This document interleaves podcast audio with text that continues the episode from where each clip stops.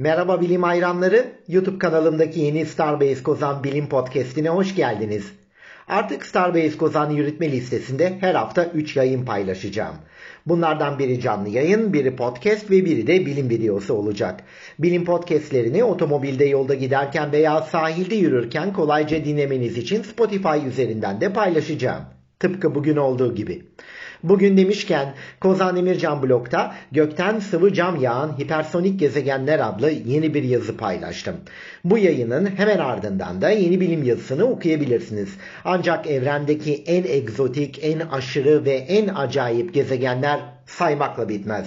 Yeni yazımızın tamamlayıcısı olarak şimdi size uzayda var olması imkansız olan ve buna rağmen varlığını sürdüren 3 garip gezegeni anlatacağım. Bunlardan ilki NASA'nın artık emekli olan Kepler Uzay Teleskobu tarafından keşfedilen Kepler 78b öte gezegenidir. Dünyadan 1,2 kat büyük ve 1,7 kat kütleli olan Kepler 78b bizden yaklaşık 400 ışık yılı uzaktaki bir yıldızın yörüngesinde dönüyor. Benzer çap ve kütlede olması nedeniyle kimyasal bileşim açısından da dünyaya benzediğini düşündüğümüz Kepler 78b ile aramızdaki benzerliklerse burada sona eriyor. Çünkü bu gezegen parlak yıldızına bizden 100 kat yakın yani sadece 1,5 milyon kilometre uzaktan dönüyor. Bu yüzden de yüzey sıcaklığı 2870 santigrada erişiyor. Oysa bu gezegenin en acayip yanı yıldızına çok yakın aşırı sıcak bir dünya olması değil. En garip yanı Kepler 78b'nin nasıl oluştuğunu bilmiyor olmamız. Sonuçta bu gezegenin yıldızı yeni oluştuğunda çok daha büyüktü. Öyle ki Kepler 78b bugünkü yörüngesinde oluşsaydı yıldızın içinde kalacaktı.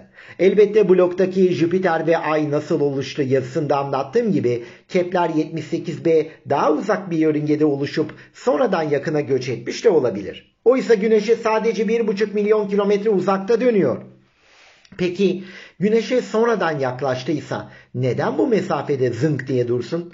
O kadar yaklaştıktan sonra hızını alamayıp yıldıza çarparak daha doğrusu yıldıza çok yaklaştığı için güçlenen gelgit etkisiyle parçalanarak yok olması gerekirdi.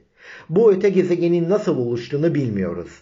Ama 3 milyar yıl sonra yok olacağını biliyoruz. Çünkü yıldıza yavaş yavaş yaklaşmaya devam ediyor. Ve Roche limitini aşınca gelgit etkisiyle parçalanarak yok olacak. Oysa daha acayip bir öte gezegen daha var. Kepler 10c. Kepler 10c bizden 560 ışık yılı uzakta ve dünyadan sadece 2,6 kat büyük olan bir gezegen. Öte yandan bu gezegen dünyadan 14 ila 17 kat daha kütleli. Bu da sandığınızdan acayip bir durum çünkü bu kadar kütleli gezegenlerin yer çekimi çok güçlü olur. Dolayısıyla üstüne bol miktarda gaz çekip Jüpiter gibi gaz devlerine dönüşürler. Oysa Kepler 10c yıldızına atmosferinin tümüyle uçup gideceği ve geriye çıplak kayalar kalacağı kadar yakın dönmüyor. Zaten dönüyor olsa bile bir de yaş sınırı var. Gezegenin büyük kütlesi yıldıza çok yakın olsa bile atmosferini yitirmesini önlerdi. Güçlü yer çekimi atmosferi tutup buna mani olurdu. Gezegenin ömrü atmosferinin tümüyle uçup gitmesine yetmezdi. Neyse ki bu acayipliği yeni gözlemlerle çözdük. Kepler 10c dünyadan sadece 7 kat kütleli bir gezegen. Yanlış ölçmüşüz ama bu bize ders oldu. Artık bir gezegenin kütlesi, yerçekimi, çapı ve yıldıza yakınlığıyla atmosfer kalınlığı arasındaki ilişkiyi daha iyi biliyoruz. Gelelim Jüpiter'den büyük ve ağır olan son acayip gezegene.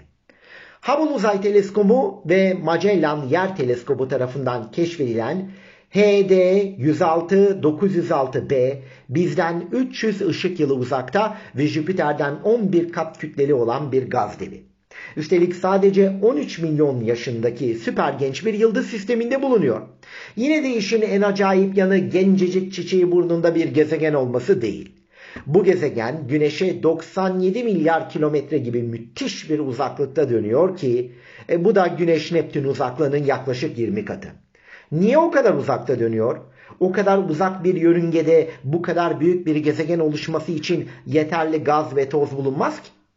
Bir teoriye göre bu gezegen yıldıza daha yakın bir yerde oluşup tıpkı güneş çevresinde dönmeyen başıboş dünyalar yazısında anlattığım gibi uzak yörüngelere savrulmuş olabilir.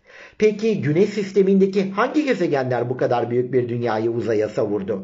Oysa bu gezegen aynı zamanda Satürn halkaları gibi halkalarla sarılmış görünüyor. Bu da mevcut yörüngede oluşup civardan ham madde çekerek büyüdüğü tezini güçlendiriyor. Yoksa iki gezegen çarpışarak bu dev, dev dünyayı mı oluşturdu? Bilmiyoruz. Ama olayın son derece acayip olduğunu görüyoruz. Böylece Starbase Kozan Podcast'inin bu bölümünün sonuna geldik. Siz de gökten sıvı cam yağan hipersonik gezegenler yazısını şimdi blogumda okuyabilir ve nötron yıldızlarını anlattığım önceki Starbase Kozan canlı yayınını YouTube'da izleyebilirsiniz. Linkleri açıklamalara ekledim. Bilimle ve sağlıcakla kalın.